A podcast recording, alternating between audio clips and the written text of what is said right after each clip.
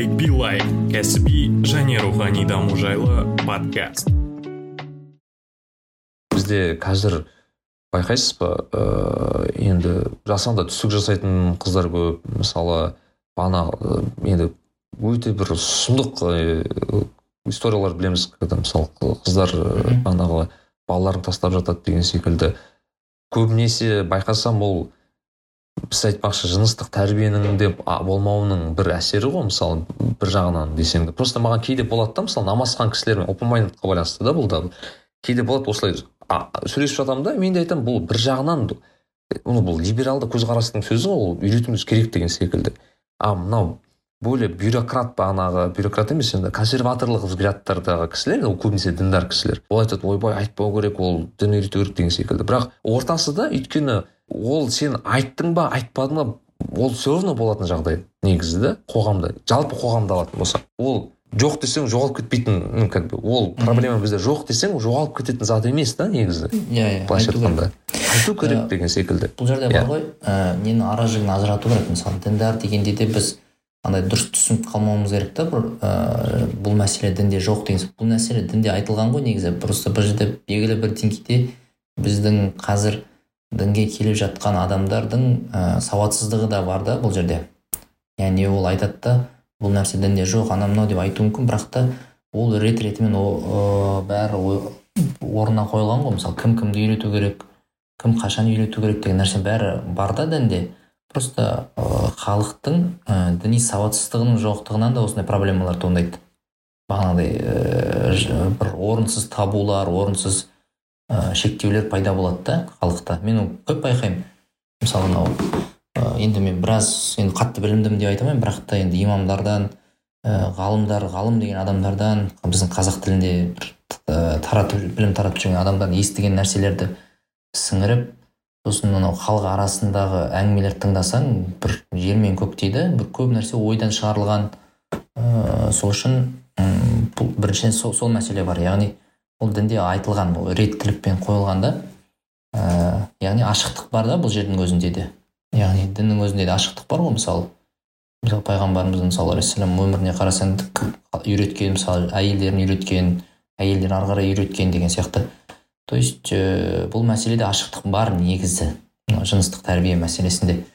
Ә, бірақ та кейінгілер сондай бір өтірік табулар тауып алған ба?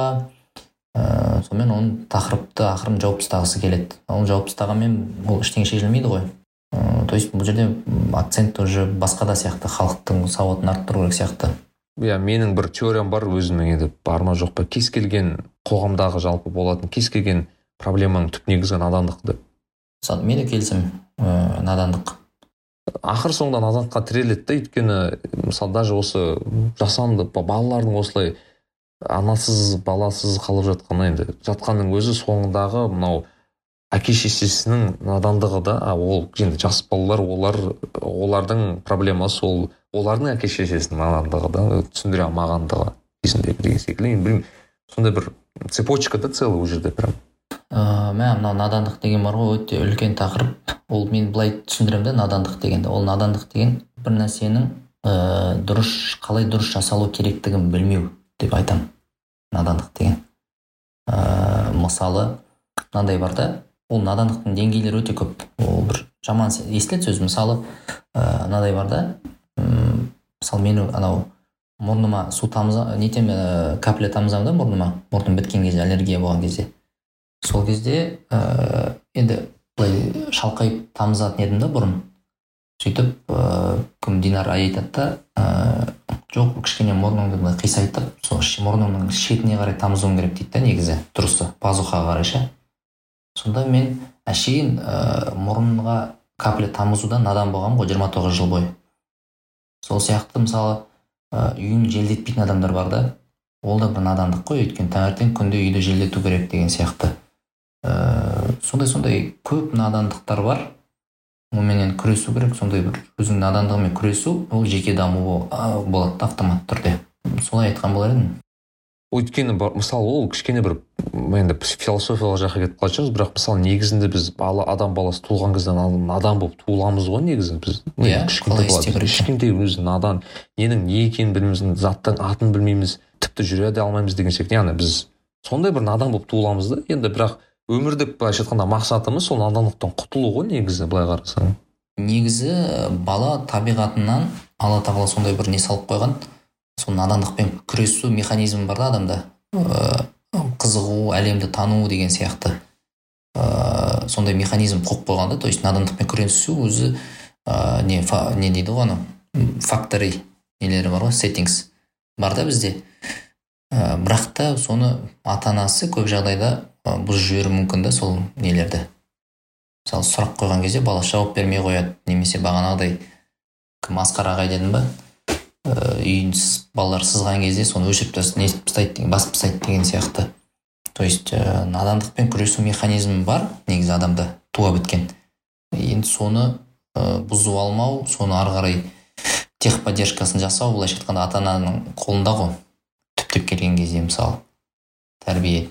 Сол енді енді нәреке тағы қандай тақырып қозғаған мен мысалы надандық демекші. Мысалы мен ә, осы жылы енді бағана айтты ғой осы коронавирустың несі ең үлкен осы тақырып қой біздегі болған. Бірақ мысалы карантин негізі көп заттың негізі көзін ашты да мен үшін.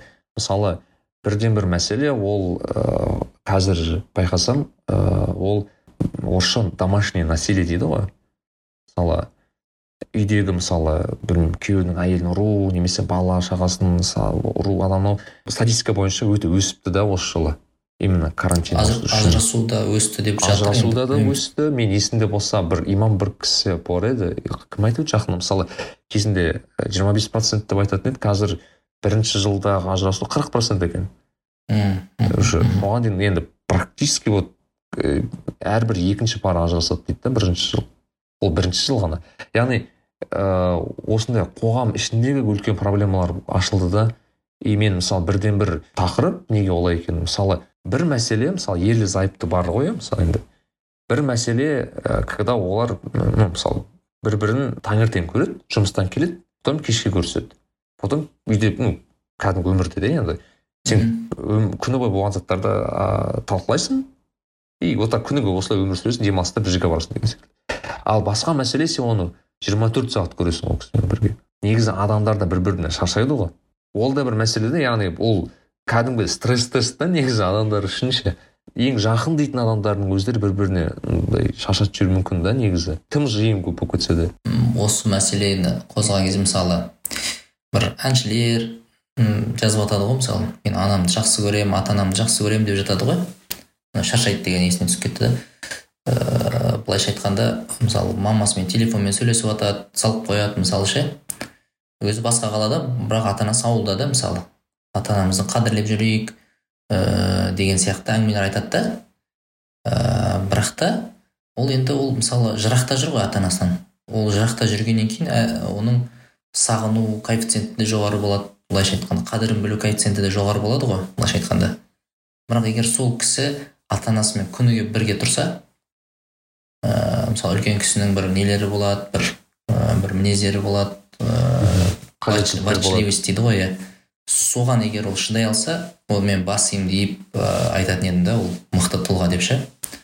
То есть ә, бұл жерде енді шаршау деген бар көбінесе жақын адамдардан көп нәрсе күтесің ғой еще сондайлар бар. Ә, сол үшін мен ойлаймын шаршамау үшін бір бірінен екеуі де мысалы отбасылық өмірде бір миссиясы болу керек немесе бір бағытта даму керек деп ойлаймын да. Дамыған сайын екі адам бір біріне қызық болады. Мысалы ә, біз егер қазір ізденбей кітап оқымай жаңа адамдармен таныспай егер екеуміз сөйлесе берсек уже әңгімеміз қызық емес болып бір бірімізге өйткені жаңа нәрсе жоқ та. Ыыы сондай сондай нәрсе бар. Сондай айтатын едім. Енді біз мен карантинде ондай сезінген жоқпын отбасымда. Интроверт болғаннан кейін ба ыыы бір бір ондай бір бір біріне шаршау деген нәрсені байқамадым онша да екінші мәселе сіз енді жер үйде тұрасыз менің ойымша ол да шешті біраз мәселені мүмкін мүмкін мүмкін. Жер үйде тұру деген мүлдем басқа. Мен өйткені менің ата анам есімде бірінші ең бірінші карантиннің кезінде ең қатты болды ғой почему то бізде басында. Менің дұрыс емес. осы осы мен тұрып жатқан үйдің пәтердің подъездінде бір кісі ауырды деп э, үш апта әке шешем шыға алмады далаға сыртын просто подъезд жауып тастады. Сол кезде андай ма әке шешем олар енді жынды болып кете жаздады енді үшінші аптасында уже настолько адам шыққысы келеді далаға уже. Шаршап кетесің түрмеде жүрген секілді болды да олар енді. Сол кезде енді жасы керек дұға айтып жүрдім әке шешеме әке шешем енді жасы керек осы сынақтан өтсе екен деп. Өзің жырақта жүрсең де әке шынымен ыыы андай бір қорқыныш коэффициенті енді өте бір жоғары болады екен іште жүргеннен гөрі. Осыған байланысты әке мысалы осы жылы мен енді сіздің мынау историяңыз бар ғой анау не туралы? Қатты әсер етті да мысалы сіздің есінде болсаң анаңыз ауырды ғой. Айтып берсем бола ма? Ыыы осы как раз осы жылдың қорытындысы ретінде ғой ол бір инсайттар. Әлде басқа нәрсе қосайын дедің ба? Жоқ жоқ мен осыны как раз қозғағым келді сіз мысалы осы ауру кезінде осы қандай адамдардың психологиясының өзгергенін айтамын да. Бізде енді сол сендерде голландияда көктемде болған нәрсе бізге жазда келді ғой. Иә. Еще бізде му- мутацияға ұшырап келді ғой деймін сол вирус. Бәрі не болып кетті ғой анау өкпесі ауырып өкпесі қабынып. Қандай еді аты? Иә. Пневмония. Э, пневмония болды ғой.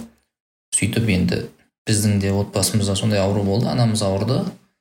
Э, енді андай да бір ә, енді ол кісі қатты сезінген шығар бізге енді сырттай көрінеді ғой. Температура түспей қояды да бұрындары мысалы грипп деген екі үш күн ыыы бір нетсе дәріңді қабылдасаң бір ыстық не су ішіп жылы су ішіп нетсең кетіп қалатын еді ғой. Мынау қайтпайды да.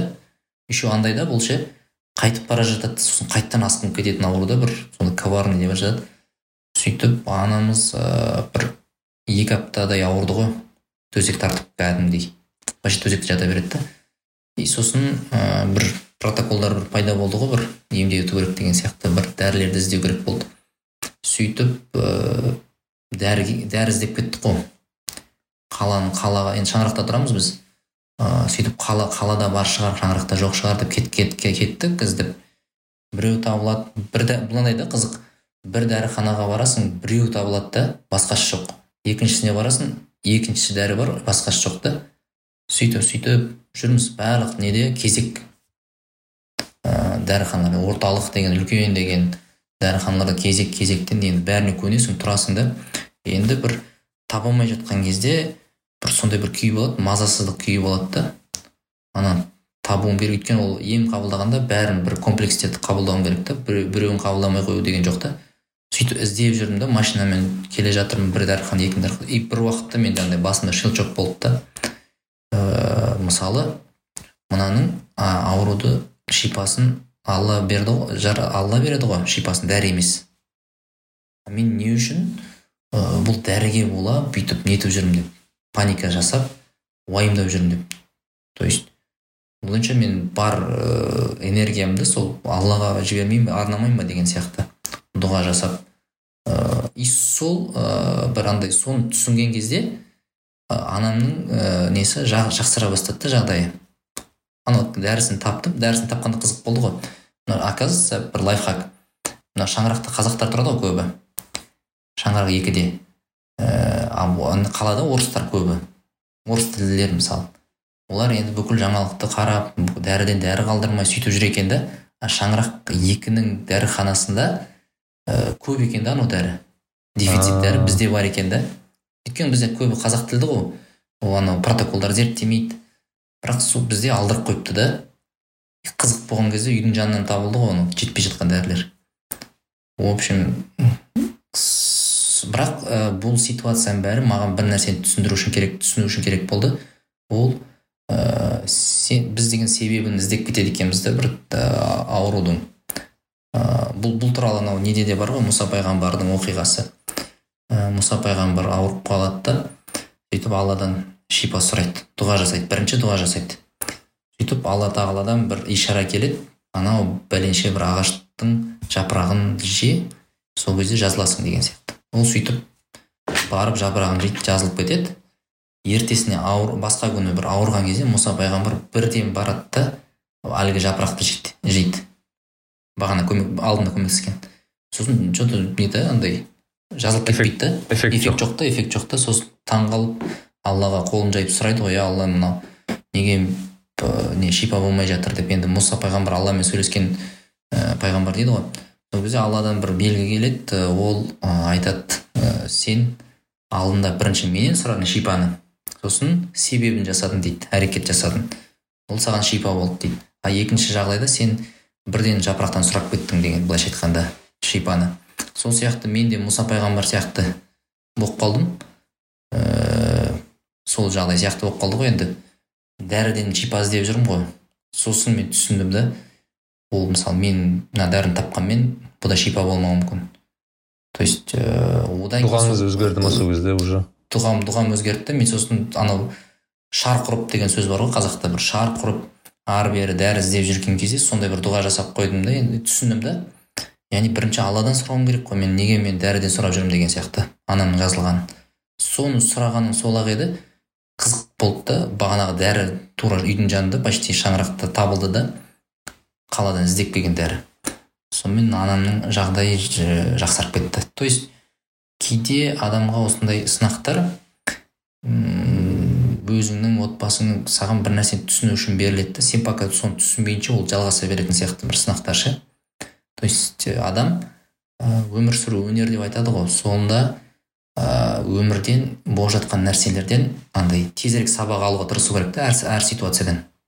Сен пока одан бір мысалы мен өзім сөздеріме қарасам түсінгенім байқағаным деп көп айта береді екенмін да. Яғни ә, бізде анализ деген нәрсе керек сияқты. Сонда сен өміріңдегі ситуациялардан тезірек сабақ алған сайын анау тезірек кете береді да ситуация. То есть сен пока бір нәрсені сабақты түсінбейінше ол саған беріле береді екен да сынақтар. Сонда ә, тезірек арманыңа мақсатыңа бақытыңа жету үшін сен ә, тезірек сабақ алып үйренуің керек екен әр ситуациядан бір. Сондай бір инсайттар болды осы жылы. Сол үшін енді бір пандемияның осындай нәрселерді түсінуге былайша айтқанда даналығының артуына да бір үлесі болды енді жылды сөйтіп қорытындылап жатсақ. Нарик билай. Осыны естіген кезде басқа бір ә, не есіме түсті да жағдай. Ә, менің де бір ә, таныс енді таныс туыс алыс жақын туысқандарым да ауырды ғой осымен қатты. Әсіресе ауылда немесе осы басқа шалғай жерлердегі кісілер әсіресе мына медицина қатты дамымаған жерлердегі кісілер. Вот ә, қызығы бір ә, кісілер ә, қызықты ауырады. И өте қиын жағдайға түсті. Реанимацияға түсті. Уже ана бағанағы ана ивл дейді солармен не істеді. Енді ол жақта да медицина қызық жұмыс істейді ғой өзі. Басында дәрілердің өте обратный эффекттер де бар ғой анау не дейді андай ну побочный эффекттер бар мысалы көп үшін дәріні салмауға тырысады да негізінде. Бірақ уже болмаған кезде сала бастайды. Сол кезде бір кісі болды бір салады да эффект бермейді. Енді бір күші бар ә, дәріні салады. Ол бермейді потом одан сайын қатты күші барын береді. Одан да қатты. Ол бермейді. И ең соңында бір страшный күші бар дәрі бар. Бірақ оны енді уже қайтайын деп отырған адамға береді екен да уже. Сол кісіні сол дәріні салды ана кісі беті бері қарады да. И шықты палатадан шықты сөйтіп енді құдайға шүкір есіне келді қазір жүр енді. Бірақ қызығы дәке ең жыным ұстайтыны кейде адамдарға жыным ұстайтын емес енді бір ішім күйетіні енді. Алла тағала береді. Мына енді ол кісі мысалы мен айтпай ақ кім екенін бірақ ол кісі прям о дүниеге аттанып кете жаздады негізінде. Бірақ сол сол жағдайды көрді келді бірақ сіз ойлайсыз ба сол кісі өзгерді деп? Сабақ алмаған ғой сабақ алмады? Көп адам сабақ алмады негізінде. Мен ауылға барып қайттым жақында. Көп кісілер білемін ауырғанын көп кісілердің кетіп қала жаздаған бірақ еш өзгермеген дәке өмірін лайфстайл деген бағана өмірді кішкене былай өзгертемін ау кішкене бір саналылау боламын ау деген секілді немесе бір дінге келемін ау немесе басқаша. Сабақ алған кісілерді көрмедім да мен. Соны көріп кішкене бір күрсіндім. Өйткені бізге ол алла тағала жайдан жай бермейді да. Расында кішкене ойлану үшін берген шығар деген ой пайда болды. Бірақ расына келгенде адам баласы ойланбайтынын түсіндім да көп жағдайда. Вот сол сондай болма болмауымыз керек та негізі. Вот сол соған мен жүгіріп жүргенім сол да негізі. Өмір бізге жайдан жай бермейді деп. Негізі бар ғой. Мынау мен ана жолы қайрат ағамен кездестік қой. Ә, сол кісі айтады да ә, ә, менде не дейді? Есте сақтау қабілетім қатты емес дейді да. Бірақ менде анализ жасау қабілеті жақсы дейді да. Сол ойлаймын да. Ол кісі мысалы жазбаларын қарасаң сыни критикалық ойлау жақсы ғой ол кісінің мысалы дін, дін, дін, дін, дін адам болғанмен. Сонда ойлаймын да осы бізге ә, мысалы мен егер мысалы маған таңда десе есте сақтау қабілетін ба әлде анализ жасау қабілетін таңда десе мен анализ таң, жасау таң, ә, қабілетін таңдайтын едім. Өйткені ол адамның өмірін көп жеңілдетеді деп ойлаймын. Бағанағыдай нәрселерден сабақ алу ол анализ емес па ә, яғни салыстырасың сабақ аласың неге былай болды себебі деген сияқты. Ә, сол үшін енді білмеймін енді бұл анализ жасау қабілетін ә, дамыту керек сияқты. Кішкентай бала кезден бастап ой жүгірту ой жүгірту деген нәрсе айтады ғой енді. Қалай терең ойлануға болады қалай ә, менің ойымша бұл сұрақ сияқты. Сұрақ қою дұрыс сұрақ қою. Мысалы сен ә, подкастта жасап жүрсің ғой сенің де бір соған бір айтарың бар шығар. Мысалы қалай дұрыс сұрақ қою керек дұрыс сұрақ қоюдың лайфхактары ма дегендей бір бар ма сондай ойларың? Мысалы анализ жасау дегенге қатысты айтарың? Именно қайсысына байланысты? Мысалы сұрақ қоясың ғой дұрыс сұрақ мен менің ойымша сен дұрыс сұрақ қоятын адамдардың бірісің. Яғни сұрақтың ә, дұрыстығының қандай критерийлері бар? Және сен өзің сұрақты қалай қоясың деген сияқты. Өйткені мен ол байқаймын мысалы қазір тыңдармандарды ыыы түсініп тұрған шығар. Көп бізде көп адамдар сұрақты дұрыс қоя, алмайды екен. Сәйкесінше запрос дұрыс болмағаннан кейін ә, дұрыс жауап алмайды. Сосын нәтиже де ала алмайды да дұрыс анализ жасай алмайды бағанағы әңгіме. Ыыы яғни дұрыс ой жүгірте алмайды дұрыс open mind бола алмайды дегендей тақырыптар күшті байланыстырып жібердім иә сол сияқты сол сияқты сен бір айтып жіберсең. Қызық. ә, адамға сұрақ қою былай айтайыншы бағанағы сіз де айтып жүрсіз басқа жерде жазып тұр. Негізі сұрақ ол жауаптың жартысы дейді ғой. Ол расымен солай да. Яғни м сұрақ қоймен кейде болады. Адамдар инстаграмға жазады немесе адам сөйлесіп өмірде кездестіремін адамның сұрақ қойғанына байланысты адамның қалай ойланатынын байқауға болады. Вот қалай ой системасы қалай жұмыс істейтінін миында мысалы там более примитивно қоятын адамдардың значит более примитивно ойланады деген сөз да бұл жерде а более қатты күрделі емес бірақ өте бір логично және өте бір обоснованно деймін орысша солай қойған адамды да значит обоснованно ойланады деген сияқты қойылады соған байланысты менің өзім бір теориям бар. Яғни мысалы мен сұрақ қойған кезде контекст деген затқа өте қатты қараймын. Қандай контекстте мен сұрақ қойып жатырмын бұл кісіге? Және ол кісі қандай контекстте тұр қазір? Яғни контекст деген не зат? Мысалы ол мынау мысалы сіз айти айти жайлы бір сұрақты қойғыңыз келіп жатыр да айти саласына байланысты. Бірақ сұрақ қоятын адам өзі айти саласын онша білмейді. Дұрыс па?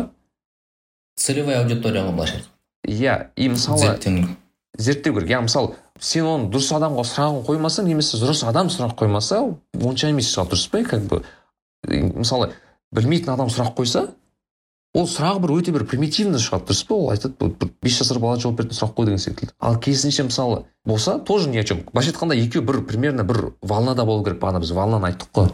Волнада болу керек та адам. Вот мен подкастта дайындалу керек деген айтқаным сол. Мен подкаст жазылу кезінде адаммен бір волнада болуым керек.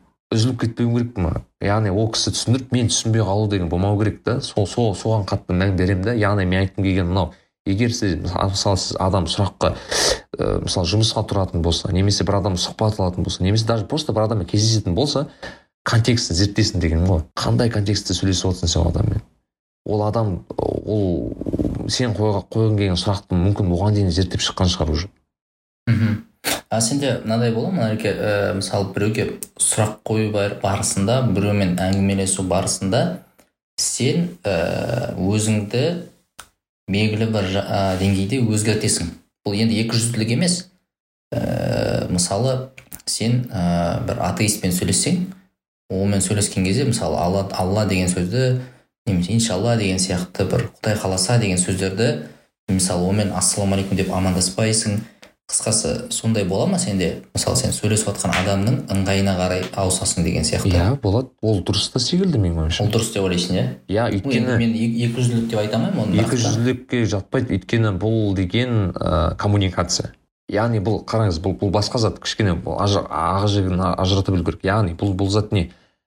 Коммуникация кез келген екі адамның арасында жалпы кез келген адам арасында ол инклюзивті болу керек. Инклюзивті деген не зат? Ол эксклюзивтің антонимі ғой инклюзив деген. Иә яғни бұл не зат? Екеуміз мысалы ә, екі адам сөйлессе екеуіне де ортақ зат жайлы сөйлесу керек.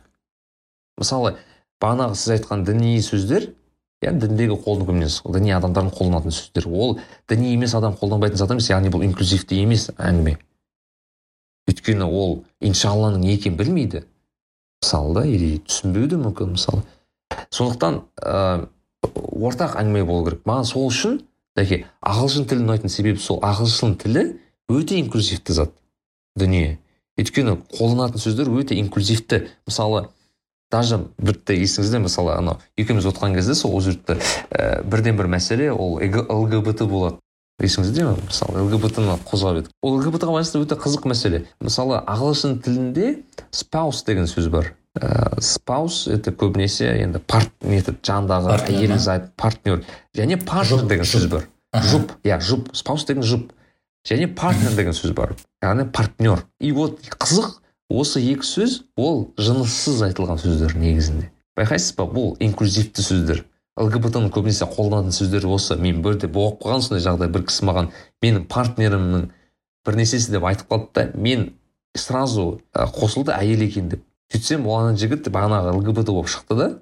И сол кезде түсіндім ол неге wife деп сөз, сөзді қолданбаған сол кезде түсіндім да. Ол партнер деп айтты мен осы ағылшын тілінің ерекшелігі дегеннен есіме түсіп тұр. Анау йосиф бродский деген ә, ақын болды ғой орыс ақыны. Иә иә ол еврей негізі ол ә, бірақ та ол негізі ә, нобель сыйлығын алған. Ол но, нелерін? Ағылшын тілінде жазған ғой ә, әңгімелерін. Бірақ та өлеңдері орыс тілінде. Сол кісі енді ағылшын тілінде де өлеңдерді оқыған ғой. Фрост бар не бар ә, қысқасы жиырмасыншы ғасырдағы сонда ол айтады да ағылшын тілі дейді бір ерекше тіл дейді. Өйткені ол тілде сен бір ойды жеткізсең оны басқаша түсіну мүмкін емес дейді да. То есть бағанағы инклюзивность есіме түсіп тұр да. Рациональный тіл дегендей. Сол сол, сол есіме түсіп тұр ағылшын тілінің ерекшелігі. Сол үшін енді ағылшын тілін үйреніңіздер дейміз ба? Иә. Yeah. Инклюзивті болу керек қой нарик билай бізде мысалы авторитаризм деген отбасылық деңгейдің өзінде бар да бізде ше иә мысалы біз қазір саяси реформа болсын ыыы сөйтіп айтып жатамыз ғой мхм ә, елде мысалы демократия болсын авторитаризм тоталитаризм болмасын жүйе өзгерсін дейміз да бірақ та отбасылық деңгейдің өзіне қарасақ бізде авторитаризм бар ғой әр отбасында мысалы қазақтың классикалық отбасында үлкенге қарап сөйлеме оған ыыы оның айтқаны заң деген сияқты бар ғой әлі де тоже бір ойланатын нәрсе да. Менің ойымша просто бізде бар ғой кейде бір сөз ә, біз демократияға дайын емеспіз деген сөз кейде шығып жатады да. Ә, бұнымен келісуге де болады келіспеуге де болады бірақ ә, отбасылық ә, неге келсек ә, ну бағанағы жағдайға келсек иә біз ол жағынан дайын емеспіз негізінде. Өйткені мүмкін біздің балаларымыз ондай емес шығар. Иә қазір бір поколение деп бөлінеді ғой бір поколение z қой иә қазір. Иә енді бізде мысалы қазір i generation деген жаңа түсінік пайда болды да. Ол қызық олар тоқсан сегізінші жылдан екі мың он екінші жылға дейінгі аралық бар ғой. I generation деп аталады екен. Яғни бұл отдельный кітап бар сол туралы мен поколение ай деп сондай кітап оқып жатырмын сол кітапты бірақ қызық яғни бұл кітапта айтылған мәселе ол осы поколение мүлдем басқа дейді да өйткені бұлар ыыы туыла сап телефонда дейді да уже. Мысалы тоқсан сегізінші жылғы туылған бала мектепке барған кезде уже айфон болды оларда. Айфон екі мың жетінші жылы шамамен шықты есімде болса. Яғни бұлар ана бала он жасында болған кезде тоқсан сегізінші бала екі мың сегізінші жылы значит он жасында айфон болды ғой иә? Яғни бұл айтып тұрған уже бала бесінші класстан бері телефонда. Менде мысалы смартфон үшінші курста пайда болды университеттің. Ә, сізде мысалы қай жылы пайда болды смартфон? Ну именно смартфон кнопочный телефон емес. Менде ә, мен смартфон деген сөзді оныншы сыныпта естідім алғаш рет. Он бірінші сыныпта ана nokia бар ғой. Н жетпіс үш тоқсан бес деген олар смартфонға жатады ғой. Смартфон ғой енді. Бірақ сенсорный емес еді ол кезде кнопочный еді ғой. Ыыы сол кезде болды менде. Мен енді соны смартфон деп ұстап жүрдім негізі. Ал айфон мысалы қай жылы айфон ең алғаш екі мың он үшінші жылы жиырма екі жасымда болды ғой. Ну уже университет бітіргеннен кейін получается. Университет бітірген кезде иә. Яғни біз оған кірмейтін себебіміз осы да өйткені біз телефонды кейін көрдік. Яғни былайша айтқанда i generationға дейінгі поколение телефонсыз өмірдің қалай екенін біледі былайша айтқанда. Иә Мен- елестете алмайды. Олар елестете алмайды. Өйткені мысалы мен мектеп кезінде телефон он бірінші класста пайда болды. Кнопочный телефон. И и даже маған бір қажеттілік болмады да шын айтқанда бұл не үшін керек ол деген секілді. Қазір елестете алмаймыз қазір мүмкін емес елестету. Мысалы мен қалай мысалы мен балам туылса мен телефонсыз қай жаққа жіберемін оны қалай табамын деген секілді бар еді да. Ал кезінде олай емес. Мысалы сондықтан ыыы қазіргі поколение енді рас керек мына жаңа келе жатқан буын мүлдем басқа болатынын түсіну керек. Басқа бір оқудың да өзгеретінін байқайсың уже құндылықтар өзгеретінін байқайсың. Мысалы осы ы, кітапта айтылатын бір мәселе дінге байланысты кстати айтылады что негізі i generation дінге деген өте э, не болады салғырт қарайды деген секілді. Мысалы сондай бір қасиет бар дейді да өйткені бұлар бұларға андай не жоқ авторитет жоқ бұлар кішкене сондай бір нені көреді деген сияқты өте көп сондай мәселе қозған негізі бәріне м енді совет беремін кеңес беремін осы кітапты оқушы ғой. Өйткені біздің иә өйткені бұл келешекте біз ыыы, енді мысалы бизнес жасасаңыз немесе жұмыс істесеңіз келешекте уже осы кісілермен сіз ә, жұмыс істейтін боласыз. Олар мүлдем басқа. Мен мысалы өзім даже мысалы жұмыста болады. Екі мыңыншы жылғы адамдармен кездесемін жиырма жаста. Екі мыңыншы жылдары он сегіз жаста екі мың екі екі мың екінші жылғы қыз- балалармен сөйлесесің немесе ұлдармен сөйлесесің. Мүлдем басқа ғой. Түсінбеймін да кейде әңгімелерін даже түсінбей жатамын. Мен вроде как мен шал емеспін жиырма алтыдамын. Мен уже түсін қиын сондайлықта уже. Нарик билай мысалы?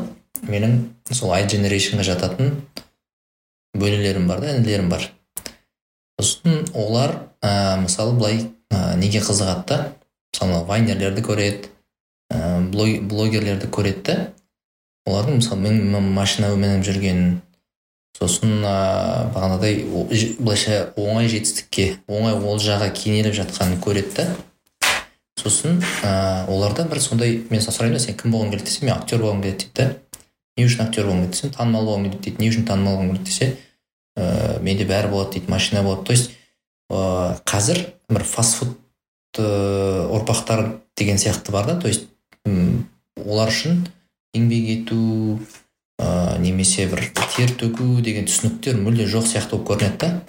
И олар олардың ә, нелері кумирлері немесе үлгі тұтарлары сондай адамдар болып кеткен да вайнерлар яғни ә, аз уақытта тез жетістікке жететін ә, қолында мысалы астында машинасы бар несі бар и ол оларға эталонда и оларға сен уже жеткізу қиын да. Мысалы мен ойланып жүрмін әрі қалай мен оған жеткіземін мына еңбек культі деген бар ғой мысалы бір нәрсеге жету үшін сен бір нәрсе тер төгуің керек деген сияқты. А оларда ол ондай түсінік жоқ та жеткізе алдым деп ойлаймын иә сұрақты. Иә иә иә. Соған осыған қатысты сен қандай ой айтар едің? Және сенің мысалы ондай інілерің болса сен қалай бір ақыл кеңес берер едің мысалы?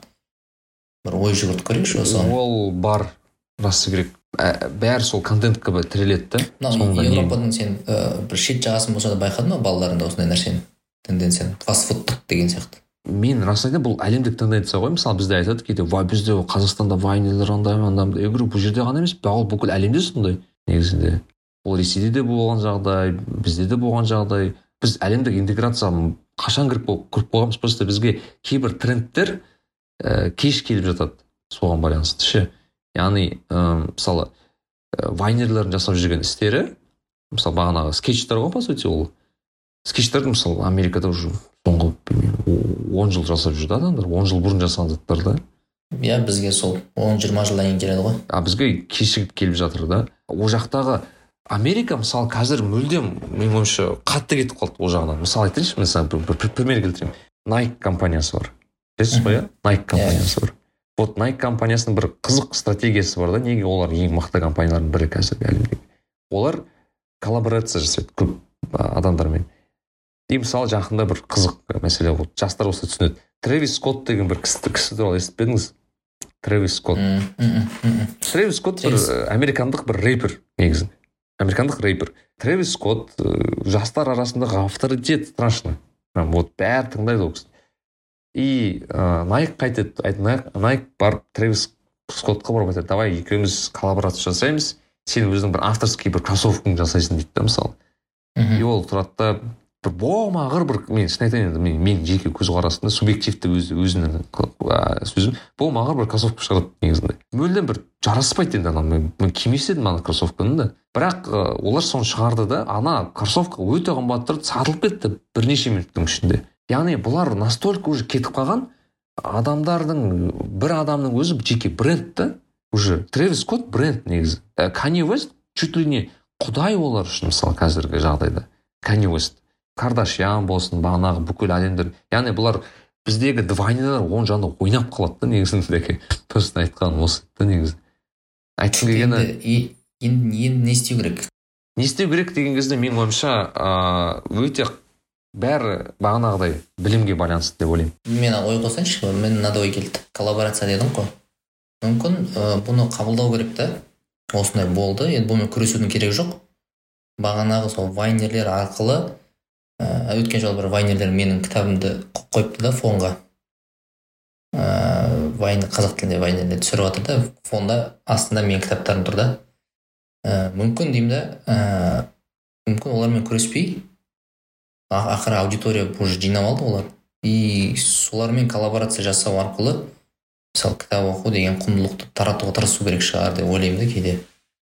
Осыған қалай қарайсың? То есть сен бағана ана ақшты келтірдің ғой мысалды. Уже уже олар үшін ол анау не да эталон да. И сен өзіңнің олармен күресіп жоққа шығармайсың өйткені вакуум толтырып тастады да аналар сен яғни мен айтқым келген ол ыыы полигон болатын зат менің ойымша ше. Олар бірден бір мәселе ол бір белгілі бір инфлюенсер яғни мен инфлюенсер деген сөзді қолдануды жақсы көремін. Яғни бір белгілі бір инфлюенсер келіп ол аудиторияны өзіне алады. Мәселе ыыы мынада да яғни сіз коллаборация деп отырсыз ғой. А ол аудиториямен жұмыс істей білу керек та. Яғни біріншіден оны қабылдау керек. Олар сондай екен неге ондай екен? Екіншіден соларға бір жол табу керек шығу үшін. Yani белгілі бір жолдармен мысалы менің ойымша мысалы бізде қазір тик токты жамандап жатады да бізде бір кейбір кісілер ойбай тик ток деген андай мындай деп ше бірақ говорю сен тик токтаға кір деймін керісінше. Адамдар сол жақта жүр значит сол аудитория бар сен сол жақта аудиториялар тартсаң мына жаққа деймін да керісінше өзіңе. Енді дер кезінде кіріп үлгер наоборот жақсы қазір мүмкін жақсы саған уақыт келіп тұрған шығар. Мысалы кезіндегі юфрейм деген проекттер қазақстанда неге соншалықты қатты шықты өйткені өте жақсы таймингқа кірді олар. Неге? Өйткені ол как раз инстаграмны енді уже қарқынды дамып жатқан кездер еді. Бір екінші а сол юфрейм жасаған балалар өте сондай жас креативті болды. Жастар сәйкес келді. Яғни бұл мүмкіндік пайда болды да оларда соны жасауға. Олар болмағанда басқа біреу толтыратын еді в общем вакуум всегда иә ол бак по любому толатын еді да. Просто олар жақсы болды олар солар солар кірген меніңше жақсы болды. Лайықты болды деп ойлаймын. Өйткені олар все таки бір қуып кеткен бір зат жасамады все таки олар бизнес жасады. Мен бұл балаларды танимын да негізінде. Енді басым көпшілігі мысалы бізде жақсы затпен айналысты. Бірақ мәселе в том что келесі буын уже келетін дәке олар құндылықтары мүлдем басқа бағанағы ай дженерейшндер келеді. Оларға дін ол уже не емес мерилы емес көбінесе. Оларға бағанағы авторитет ну көбінесе болмайды деген секілді да. Яғни олар біз мүлдем басқа адамдармен жұмыс істеймін деп жатырмыз. Авторитеті жоқ адамдар иә? Оларға информация ол әлі ашық вопрос гештальт бағанағы олармен қалай жұмыс істеу керек? Оларды енді точно мен не, не білемін олармен жұмыс істеу керек бір оларды зерттеу керек екі. Пока біз зерттеуіміз керек оларды менің ойымша өйткені мен пока ешкімге айта алмаймын да оларға. Өйткені мен өзім соншалықты олармен қатты араласпаймын қазір. Проблемамыз осыда мен қазір енді қазір түсініп жатырмын да дәке неге біз біздің ата анамыз бізді түсінбеді кезінде. Тура сондай не нәрсе ғой тура соны өтті оларда. Өйткені олар мүлдем басқа заманды көрді и мүлдем басқа құндылықтарды көрді. И бізбен мүлдем сәйкес келмегендіктен қабылдай алмады. Біз енді солардың қателігін қайталаймыз біз де қабылдауымыз керек та олар сондай екенін. Және сол арқылы уже жұмыс істеуіміз керек секілді зерттеп бұлар өйткені көбінесе біздің мысалы әке шешеміз немесе біздің ата аналарымыз немесе ағаларымыз бұны қабылдай алмады. Ана кімнің? Аристотельдің бір сөздері бар еді ғой. Аристотель ма грек ежелгі грек. Философтардың біреуі айтып еді қазір жастар бұзылып бара жатыр деп айтқан да. Ойлашы сол біздің заманымызға дейінгі уақытта қазір жастар бұзылып бара жатыр деп айтқан ол ол әңгіме айтыла беретін сияқты да. Мысалы біз де айтуымыз мүмкін кейін жастар бұзылып бара жатыр деп.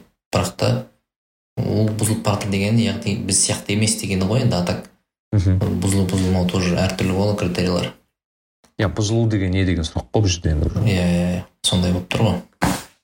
Бірақ мен басқа мәселені қозғай аламын дәке мысалы мен өзім інілеріме қарап ә, біз енді қазір кішкене бір ә, кішкене негатив жағын айтып отырмыз да бұлардың сондай екенін бірақ позитив жағы да бар негізінде.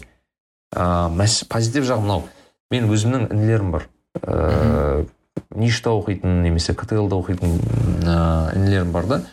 И қызық мен ә, университет бітірген кезде менің арманым кбту ға түсу болатын есімде. Мен ол жерге түстім де негізі. Бірақ кейін ә, белгілі жағдайлармен просто өзім отказ бердім бірақ негізгі арман сондағы қазақстандық бір вуз еді да жақсы вуз бірақ қазақстандық вуз. Ал мен қазір інілеріммен сөйлессем жақында бір ініммен шымкентте сөйлестім. Ә, маған бүйтеді мен қайға түскім келеді? десем мен ә, ельский университетке түскім келеді дейді да. Оныншы класстың баласы. Ел деген енді бір топ университет қой енді әлемдегі топ университет. Америкадағы. Мен айттым сен шынымен елға түскің келе ма десем иә дейді. Сонда айтқым келгені бұларға уже граница жоқ та. Шектеу жоқ иә. Шектеу жоқ. Сол ұнайды маған олардың. Бұларға мүлдем шектеу жоқ. Бұлар айтады мен стэнфордта оқығым келеді мен гарвардта оқығым келеді мен ыыы осындай затпен айналысқым келеді. Жақында бір тағы бір ііі университетте оқитын баламен сөйлестім. Ол бала айтады мысалы мен гап йер алғым келіп отыр дейді. Мхм. Бізде гап деген сөзді білмейтін мен дәке не екенін даже. Сосын байқайсың ба бұл бұларда бұл бұндай балаларда не басында андай бір ә, еркін ойлау сосын ана критикалық ойлау сосын еркін ойлау деген нәрсе бар да бір шекара жоқ деген и ойлауында именно барьерлер жоқ та сол. Қайдан келген деп ойлаймын да. Жақсы ғой негізі. Иә ол жақсы. керемет зат мысалы маған кейде жетіспейді сол осы қасиет. Олар секілді еркін ойлау. Білмеймін. Мысалы мүмкін ыыы біз все таки тоқсаныншы жылда тоқсаныншы жылдың балаларымыз ғой. Ме- менің ойымша біз андай бір переходный возраст өтіп қалдық та.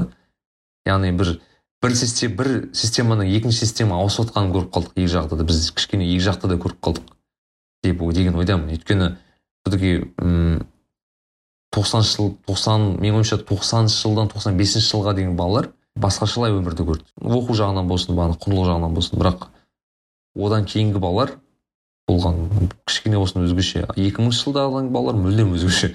Ой мысалы андай бір ата аналар жиналысында болсын мұғалімге болсын ойын еркінірек айтылатын сияқты да. Кішкене демократтау сияқты да солар ше былайша менің ойымша байқала ма сондай нәрсе? Бар ғой. Ыыы ойын еркін айтылады қысылу деген жоқ та көп жағдайда. Мен мысалы өзім де И- есіме, есіме түседі мен физмат мектепте оқыдым ғой. Мен мысалы мұғалімдеріме қарсы сөз айтқан кезде бәрі маған бүйтіп көз араларып бүйтіп маған не істеп отырсың сен деген секілді. И сондықтан уже желание да болмайтын да қарсы шығуға. А қазіргілерді байқасам ол жоқ. Иә олар еркін айтады өте сондай не айттарын и сол жағынан мен сол жағынан ыыы қуанамын. Рас керек солардың екенін. Мүмкін сол елу жылда ел жаңа деп жатады ғой мысалы. Бізде демократия жоқ демократия жоқ емес. Ә, осындай ұрпақтар әкелетін сияқты да. М, нені ше. То есть анау бір марғұлан ағаның да бір айтқаны бар еді ғой неге қатысты?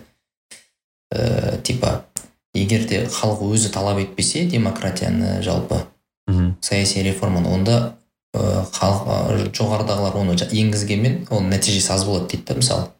Иә. демократиялық құндылық демократиялық мысалы саяси реформалар жасағанмен бірақ халық оны талап етпесе ол да қисынсыз болады дейді да.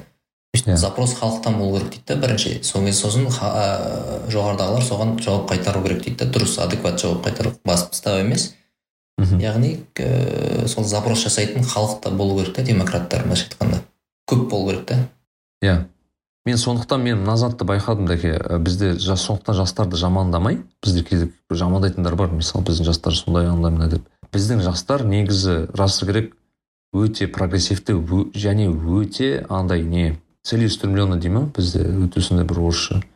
Яғни бізде барлық балалар бір нәрсе жасағысы келеді.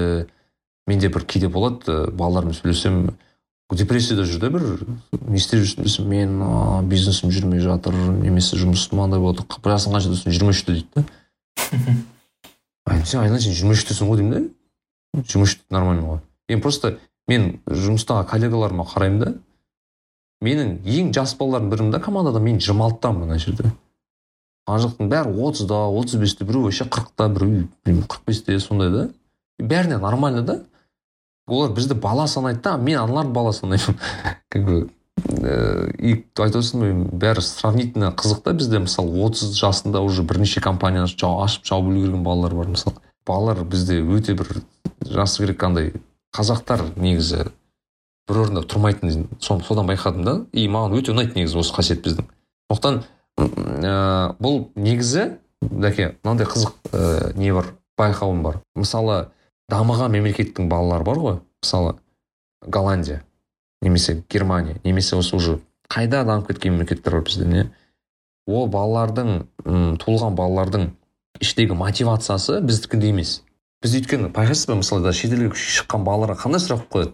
Қашан біздің елге қайтасың дейді да қашан біз дамимыз дейді. Осындай сұрақ қояды біз немді қалай дамытасың деген секілді ше. Вот неміске немесе голландқа өлсе де осындай сұрақ қоймайды негізі. Вот серьезно өйткені неге неге ондай сұрақ қоймайды? Өйткені и так все нормально.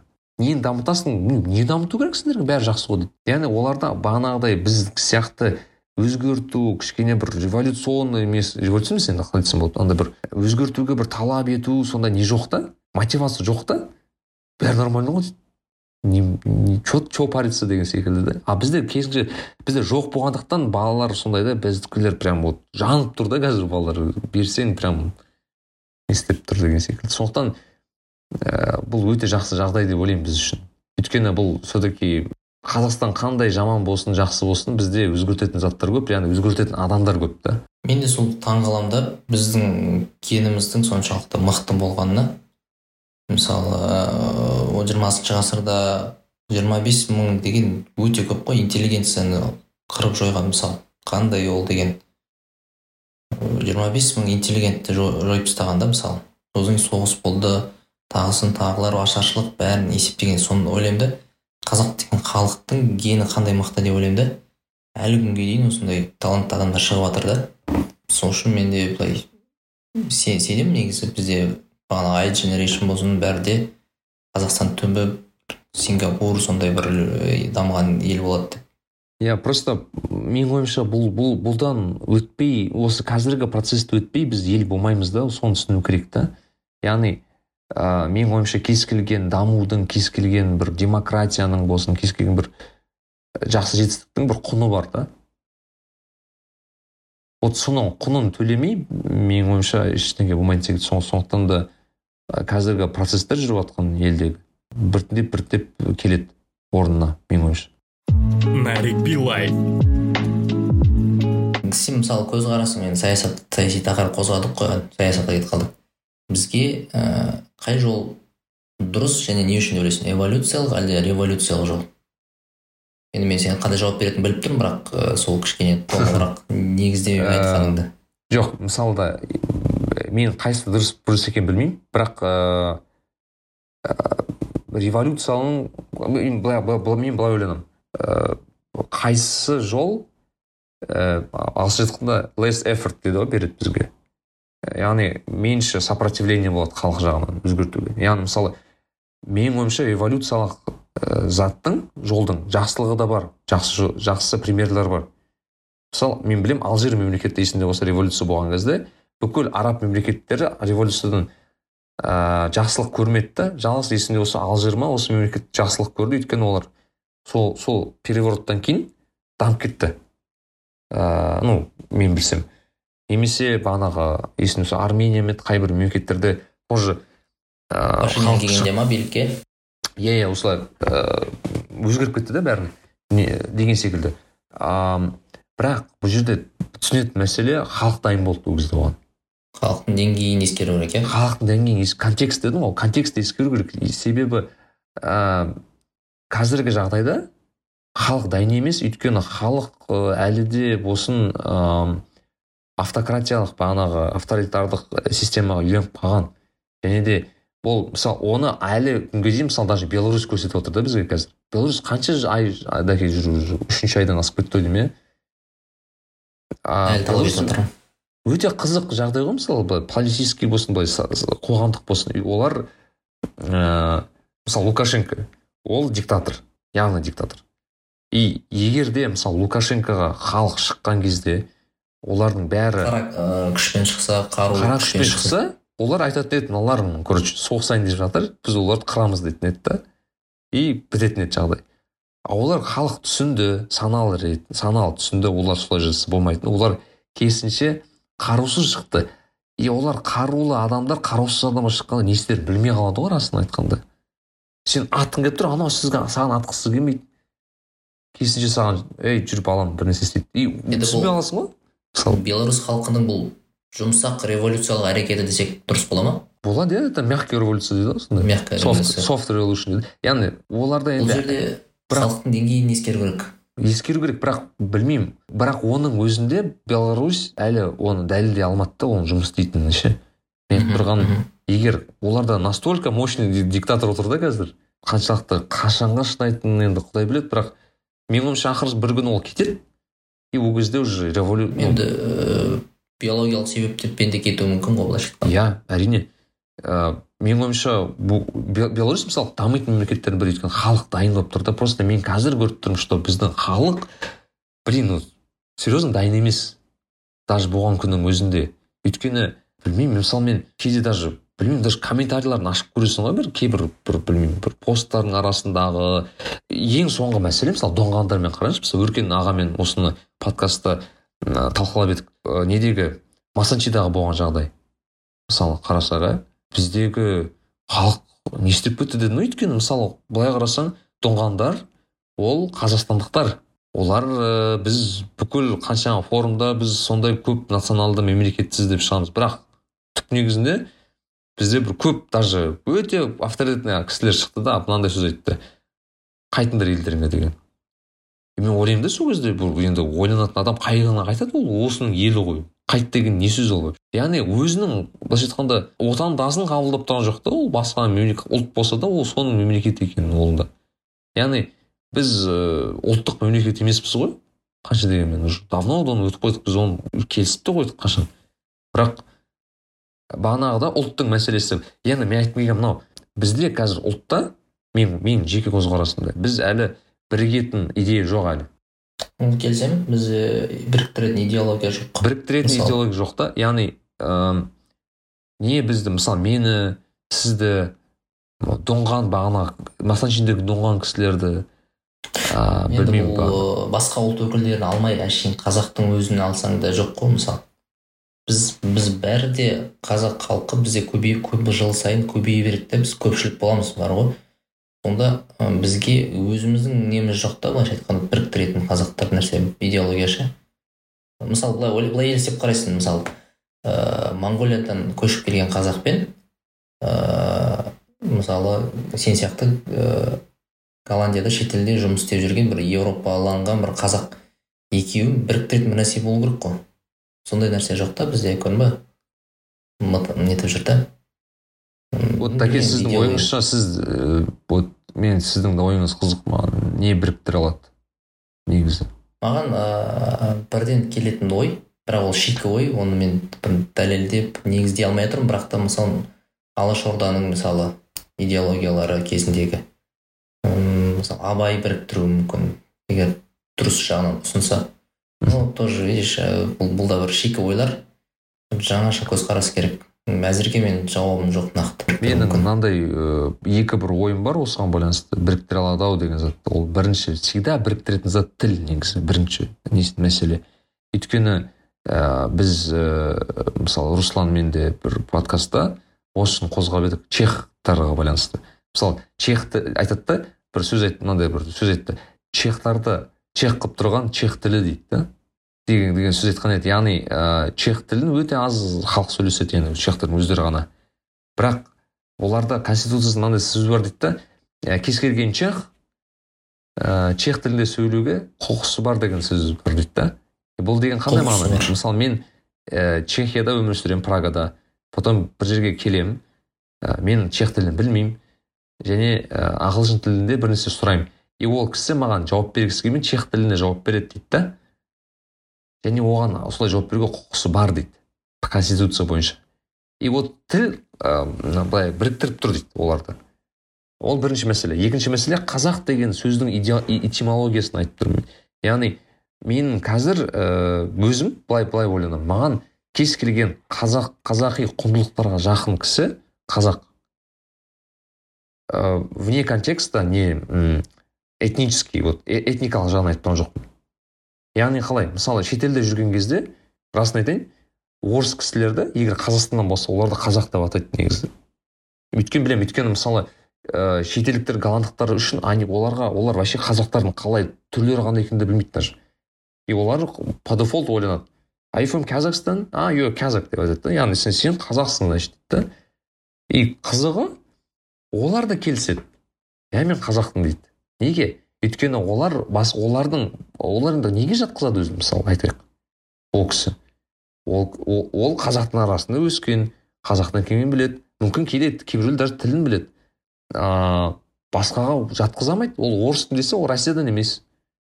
Ыыы басқа ұлт десе ондай ұлт жоқ. Оған оған басқа жақ қазақтан басқа. Мен айтады ладно маған қазақ деп айта салған жеңілдеу дейді да. Яғни бұл дегеніміз менің ойымша мынандай идея секілді. Кез келген ыыы енді біздің құндылықтарды алып жүрген адам ыыы біздің мәдениетті алып жүрген адам ол қазақ. Яғни ыыы бұл келешекте рөлі жұмыс істейтін зат та. Яғни кез келген біріктіре алады да кішкене болсын. Өйткені Иә, мысалы келісемін. ә, ә, ә, айтайық бір басқа ұлттағы кісі мысалы менің ыыы ұйғыр достарым бар өзім ше мен ұйғыр достарымды өзім бауырым ретінде көремін да действительно. Ә, олар қазақ тілін біледі өте жақсы. Бірақ оларды мен ұйғыр деп айтқым келмейді да.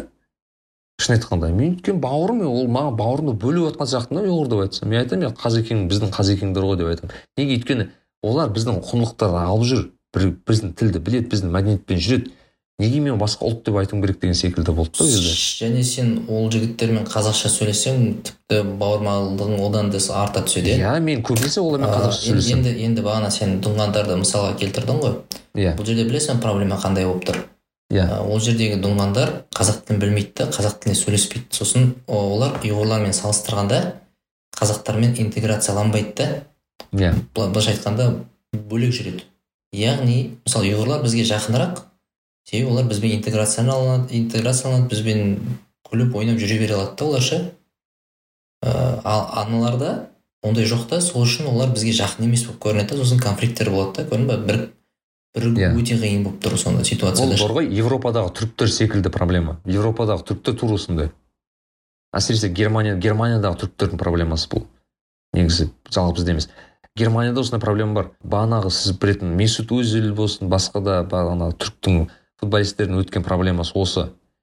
Ә, түріктер олар ә, интеграция жүрмейді халықтармен арасында. Олар мысалы бір халық болып келеді түріктер.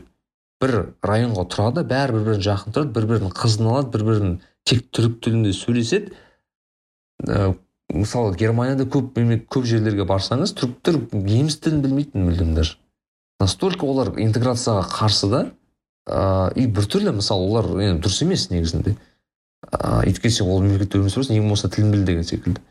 Мен айтып отқан сол себебім осы ғой. Бірінші зат біріктіретін все таки тіл. Тіл? Сөзсіз тіл тіл. Ыыы және көрдің ба бізде қазақ ұлтының өзінде де сол тіл тілді білмегендіктен шала қазақ деген нәрсе бар. Сол үшін біз біріге алмаймыз да біріге алмай жатырмыз мысалы. Шала қазақ деген түсінік бар. Өйткені мысалы голландықтардың бұрын айтыны а голландық деген сөз дач деп аударылады ағылшын тілінде негізі. Дач деген сөз бар. Ә, және де ә, бұлар бәрін дач деп санайды. Дач деген яғни мысалы сен голландықтарды яғни сен голландықтар өте бөлінеді. Мысалы ақ голландықтар бар олар енді бұрыннан келе жатқан голландықтар. Және де қара голландықтар да бар ғой. Мысалы сіз білетін фу- футболисттер ван дейк там вайналдум дейді бағана гулит деген сияқты кісілердің бәрі голландықтар. Клюверттер олар голландықтар ғой. Негізінен суринамдықтар иә бірақ олар суринамдықтар иә. Бұлар латын америкасындағы бір африкаға жақын бір мемлекет негізі сондай бір қара нәсілді. Енді енді қара нәреке сен айттың ғой. Қазақ деген этимология жалпы қазақ деп аталсақ Иә. ә, бұл біздің қазақтардың нәпсімізге жағатын нәрсе да негізі. Ә, бірақ қалашан игра слов қой былайша айтсам. Мысалы қазақстандықпыз деп айттық қой енді бір кездері Иә. сол кезде неге қазақстандық деген сөз ә, бізді біріктіре алмады. Біріктіре алмай жатыр мысалы менің ойымша өйткені қазақстандық деген сөз ол жерге байланысты именно. Ұлтқа емес иә? Ұлтқа емес. Өйткені қазақстандық деген ну былай айтайыншы мысалы қазақстан деген сөз қашан пайда болды мүлдем бізде? Білмеймін әйтеуір әкем айтып отқан ана бір сексенінші жылдары қазақстан деген темекі болды анау мынау деген сияқты соған қарағанда совет үкіметінде де болған ғой стан деген. бір ары кетсе бір елу жылдың көлемінде пайда болған сөз секілді маған қазақстан деген сөз. Бірақ қазақ деген сөз бұрыннан келе жатқан зат та мысалы мен осыған келтіремін яғни по сути былай қарасаң мысалы мысалы мен найман болсам мен тағы да бір дулат бар иә мысалы қыпшақ бар біздің бәріміз бір қазақ деген тудың астына біріктірге біріктірді ғой енді былайша айтқанда тудың астынан сондай болып тұр ғой мысалы біз кезінде әр, әр тайпа ру болғанбызда сосын қазақ дегеннің астына біріктік та әлі күнге дейін сөйтіп бірігіп келе жатырмыз по сути мысалы қазіргі кезде мысалы ұйғыр деген ұлт ол да бір найман деген сияқты ру болып есептелсе примерно ол да кіреді да ненің астына қазақ деген тудың астына ол да қазақ деп аталып кетеді. Ыыы сондай ғой былайша айтқанда былай қарасаң. Иә өйткені мысалы голландықтарда мынандай мәселе бар да и олар о баста сұраған кезде сен голланд голландықсың ба деген кезде именно голландық мәдениет ұстайсың ба деген ә, неге жақын да ә, мәдениетке өйткені олар ә, былай былай былай түсіндіруге болады. Мысалы біз түрік деген сөз бар ғой бізде. Түркі халықтар түркі халықтар деп айтайыншы түркі. түркі Иә. түркі деген сөз бар мысалы бізде. Ә, бізде түркі халықтар көп дұрыс па? И біз айтамыз түркінің ішінде кімсің дейсің ғой сен? Иә мен түріктің ішінде қазақпын мен түріктің ішінде анаумын түріктің ішінде түрікпін деген секілді. И маған жақында бос- просто отырып ойландым да егер де мен былай болсам мен түрік қазақтың ішіндегі қазақпын десе мен нейтив қазақпын былайша айтқанда. Біреу тұрып мен ұйғыр қазақпын десе басқашы тұрып мен доңған қазақпын десе деген секілді болса почему бы нет? дедім да осы ну жұмыс істейтін схема негізі. Мен осы ойды бір ағамызға айтып көргем ол айтады да мысалы ыыы сөйтіп айтып жүрсең дейді да ыыы саған кім кім кепіл дейді да ертең қытайлардың бәрі қазақпын деп алады да ыыы сөйтіп мысалы Қыта- қытайлардың үлес салмағы көп болып кетуі мысалы қазақпын деген атпен жүреді да и сен ұлтыңды нетеді ғой бұзады ғой былайша айтқанда.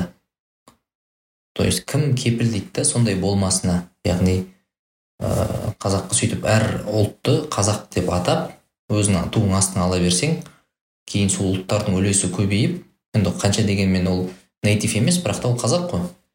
И сол қазақтығыңды бұзып жібермесіне кім кепіл дейді да сөйтіп ойланып қалдым. Бұл уже дәке мемлекеттің енді тырнақша ішіндегі пропагандасына байланысты деп ойлаймын. Өйткені қазір бізде әлсіз ол нәрсе да. ол өте әлсіз. Мысалы это как мысалы түріктермен секілді. Түріктерде мен есімде болса түріктерде тек түріктер өмір сүреді. Яғни ол мысалы түріктер өте көп мысалы ол түріктердің арасында күрттер бар мысалы рас па? Мхм. Ыыы бағанағы кезінде к- иә олар э, тағы кімдер бар? Оларда көптеген әзірбайжандықтар бар көптеген нелер бар. Бірақ оларға барсаң бәрі түрік та почему то? Ну типа оларда даже есінде болса по дефолту бәрі түрік короче.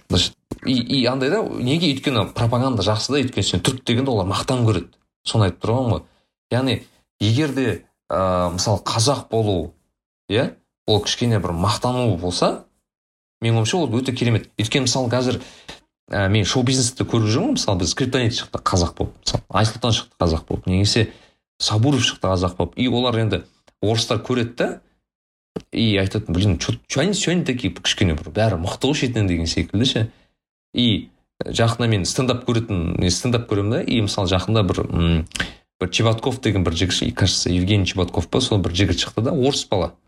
Ыыы и қызық та ол бала оралдың баласы екен да.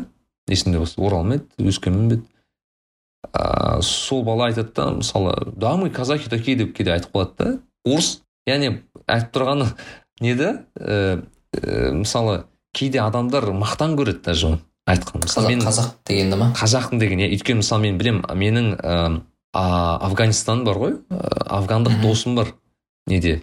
Амстердамда. Афган өзі афган жартылай белорус па сондай?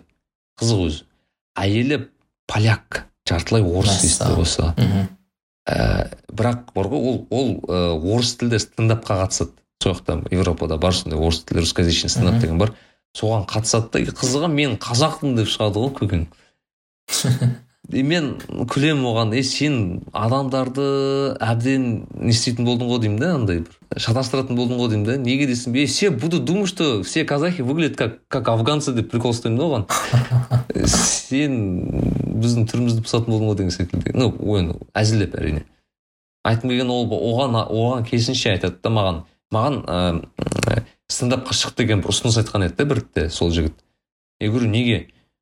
Маған келіп айтады казахов любят дейді да маған бәрі бәрі казахов любит деп сөз неге казахов любит десем? Они такие типа своеобразные өзді енді мақтайды да яғни сол үшін мен қазақ болғысы келетін себебін түсіндім да сол кезде неге ол қазақ болғысы келеді. Өйткені бәрін почему то қазақтар ұнатады деген секілді. Ә, қазаққа қатысты бір жақсы бренд қалыптасты дейсің ғой. Иә мен иә. ана ә, есіме ана оқиға түсіп тұр. Ана жолы бір ресейдің депутаттары сөйледі ғой. Иә, иә, Ә, иә. солтүстік қазақстан ресейдің қазақстанға берген сыйлығы деп ше? Мхм. Сонда ана скриптониттер айтасың да біреу жазып қойыпты да бүйтіп ыыы скриптониттер бермейді деген сияқты солтүстікті. Сөйтіп жазып қойыпты да. Сосын мен ойладым да мысалы сен қазір айтып ғой қазақты ііі мысалы мақтан тұтады деп ше? Аха. Мысалы ешқандай күрессіз ақ егер қазақстан деген бір экономика жағынан дамыған ә, бір коррупциясы жоқ бір әділетті бір қоғам мемлекет болса деймін да ешқандай бір күрес керек жоқ та бұл жерде. Сондай мемлекетке айналса мощный мемлекетке. Анау астрахань болсын орынбор болсын ол жақта да тұрады ғой адамдар. Олар өздігінен қосылғысы келеді да мысалы былайша айтқанда ше. Біз осы қазақстанның бөлігі болғымыз келеді деген сияқты ше. Мхм. Ну, ну то есть андай бір ә, былай орынбор біздің жер анау мынау деп ыыы шу көтермей бірақ та бағанағыдай сен егер мысалы бренд мемлекет болсаң бренд ұлт болсаң қазақ деген басқалар өздігінен ақ саған қосылғысы келеді ғой былайша айтқанда. Иә. То есть мысалы сен солтүстігіңді қорғап қорғап қал- қорғап қана қоймайсың сен сондай ақ басқалардың саған келіп қосылуға деген ынтасын оятасың ғой былайша айтқанда. То есть ыыы қазақ деген ол анау осман империясындағы неге ұқсайды да? Кезін тарихын оқып па едіңіз сол кезде қызық та кейбір мемлекеттер европадағы өздері қосылды ма? өздігімен қосылған ғой оларға.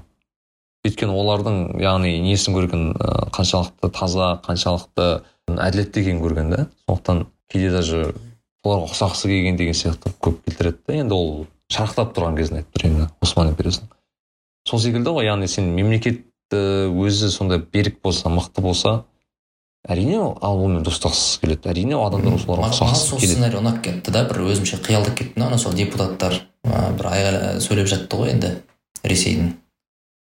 Сол кезде бір өзімше бір қиялдап ойладым да мә мысалы мынау астрахань бар орынбор бар самара бар деймін да. Енді менде бір ондай бір пиғылдар жоқ бір имп- империалистік дейді ғой. Енді бірақ та ойлап қарасаң егер қазақстан сондай бір дамыса анау енді қазақстан тарихи жерлері ғой мысалы ана жолы максим шевченко да айтып жатыр ғой. Коренной народ казахи деп сияқты астрахань бар не бар.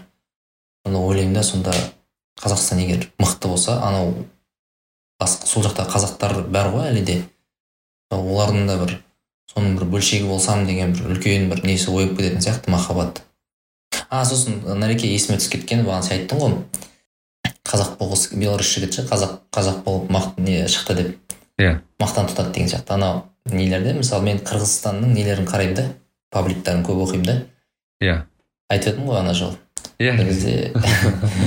қыздары қырғызстанның ыыы мысалы өздері ұлдары енді намысшыл келеді сөйтіп прикол жазып қояды дейді да бұлар дегендің ііі көршісі қазақ болса да метиска деп жазып қояды бұлар деп ше? Типа қазақстанның ненің или қазақстанға бір рет барып келсе уже несіне авасына қазақстан мен қырғызстанның туын қойып қояды деген сияқты. Метиска деп жазып қояды деп қыздары. Ыыы Иә. то есть ол қырғыз біздің көрші халқымыздың өзінде де сондай бір ә, бар да то есть қазаққа бір байланысты болу қазаққа бір ә, соның бір бөлшегі болу деген сияқты бір қазақтықтың элементіне бір деген бір сүйіспеншілік бар сияқты Иә. сондай нәрсені байқап қаламын да ә, сол үшін бір қазақ деген ұлттың бір бренді уже қалыптасып жатыр десе де болады да сондай енді құдайға шүкір мен шын айтқанда осы бұл енді қазіргі енді шығып жүрген балалар мысалы бағанағы стендаптағы балалар даже болсын мысалы бағанағы клип түсірген балалар олар олар ай дженерейшн емес. Олар примерно там тоқсаныншы жылдардан бастап тоқсан бесінші жылы алтыншы тоқсан алтыншы жылғы балалар. Енді келесі буын қандай боларын енді құдай біледі менің ойымша. Өйткені олар қайда асып түсетін секілді менің ойымша. Өйткені мысалы мен өте өте простой пример келтіре аламын өйткені мен ә, мектепте оқып жүрген кезде ә, біз олимпиадамен қатыстық та олимпиадамен мен информатика пәнінен олимпиадаға қатыстым. Бізде всероссийский школьная олимпиада деген бар еді кошп дейтін бізде. Мен соған олимпиадаға қатысып кезінде ә, орын алып ент жазбағанмын ғой сол арқылы. Бірақ ә, ол всерос деп айтады да всероссийский команданы біледі одан орын алу өте қиын. Өйткені бүкіл ресей қатысады. Ресей деген жүз елу миллион ба қанша миллион? жүз қырық миллион мемлекет. Жүз елу миллион ғой. Жүз елу миллион мемлекет жүз елу миллион адамның школьниктар қатысады и он алты миллион мемлекеттің школьниктары қатысады и біз жазатынбыз. Бірақ ә, ең мықты дейтін ә, есімде бізде бір физматтың бір командасы ол 2010 жылы болды есімде болса ә, бір оныншы или сегізінші орын алды. Топ ондыққа кірді былайша айтқанда. Ең біздің ең мықты дейтін командамыз ондыққа кірген еді сол кезде. Өте бір керемет достижение болды біз үшін. Өйткені өте қиын орыс командаларының арасында оны өту. Өйткені олар финалда ұтып жүрген кісілер ғой. Бізге достижение болды сол кезде. Вот бірнеше жыл бұрын дәке қазақтың командасы астана ктл мен алматы ктл баласы сол ұтты бірінші орын алды солар всероссийский олимпиаданың жүлдегері қазақстанның командасы болды ғой. И орыстар кәдімгіше намыстанды негізі өйткені мен ана оқыдым комментарийлерінде күлкілі да. Это как деген сияқты олар өздері таңғалып қалды да қалай қазақтар алды ана жерде? Э, и вот осы ғой айтып тұрған қазіргі буын олар уже басқа олар уже олар ресейдің олимпиадасын ұтып кетеді олар керек болсын мысалы ең мықты дейтін. Оларға уже yeah. Иә. граница жоқ. Граница жоқ.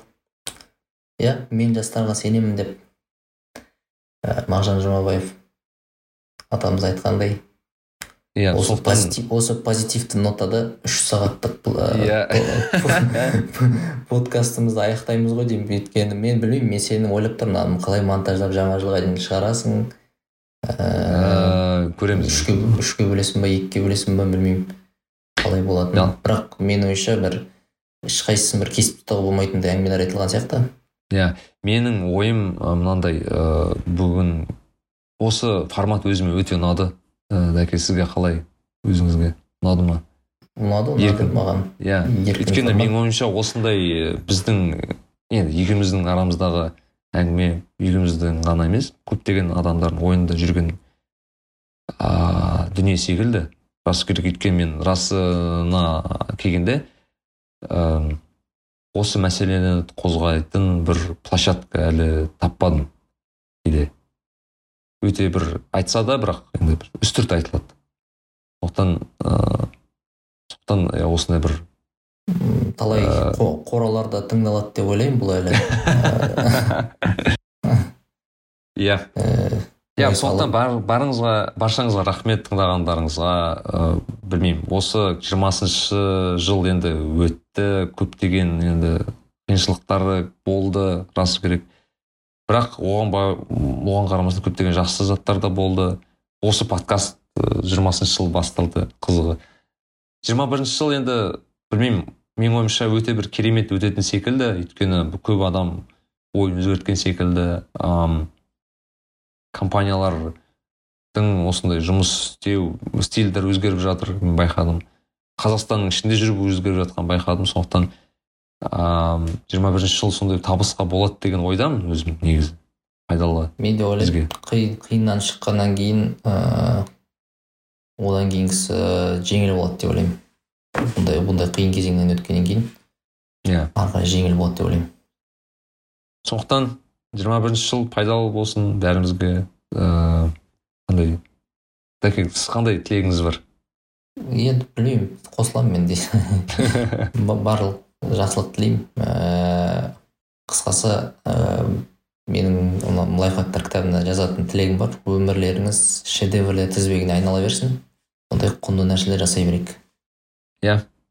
Осы жаңа формат ұнап жатса мен енді жалғастыруға тырысамын енді осы. Өзіме ұнады расында иә баршаңызға рахмет. Бөлісіп жатыңыздар мүмкін қызық жерлер болса инстаграм парақшаларыңызға салып қойыңыздар бізді жазып қойыңыздар. Сіздердің ә, кері байланыстарыңыз өте қажет. Сау болыңыздар. Сау болыңыздар. Нарик билай кәсіби және рухани даму жайлы подкаст.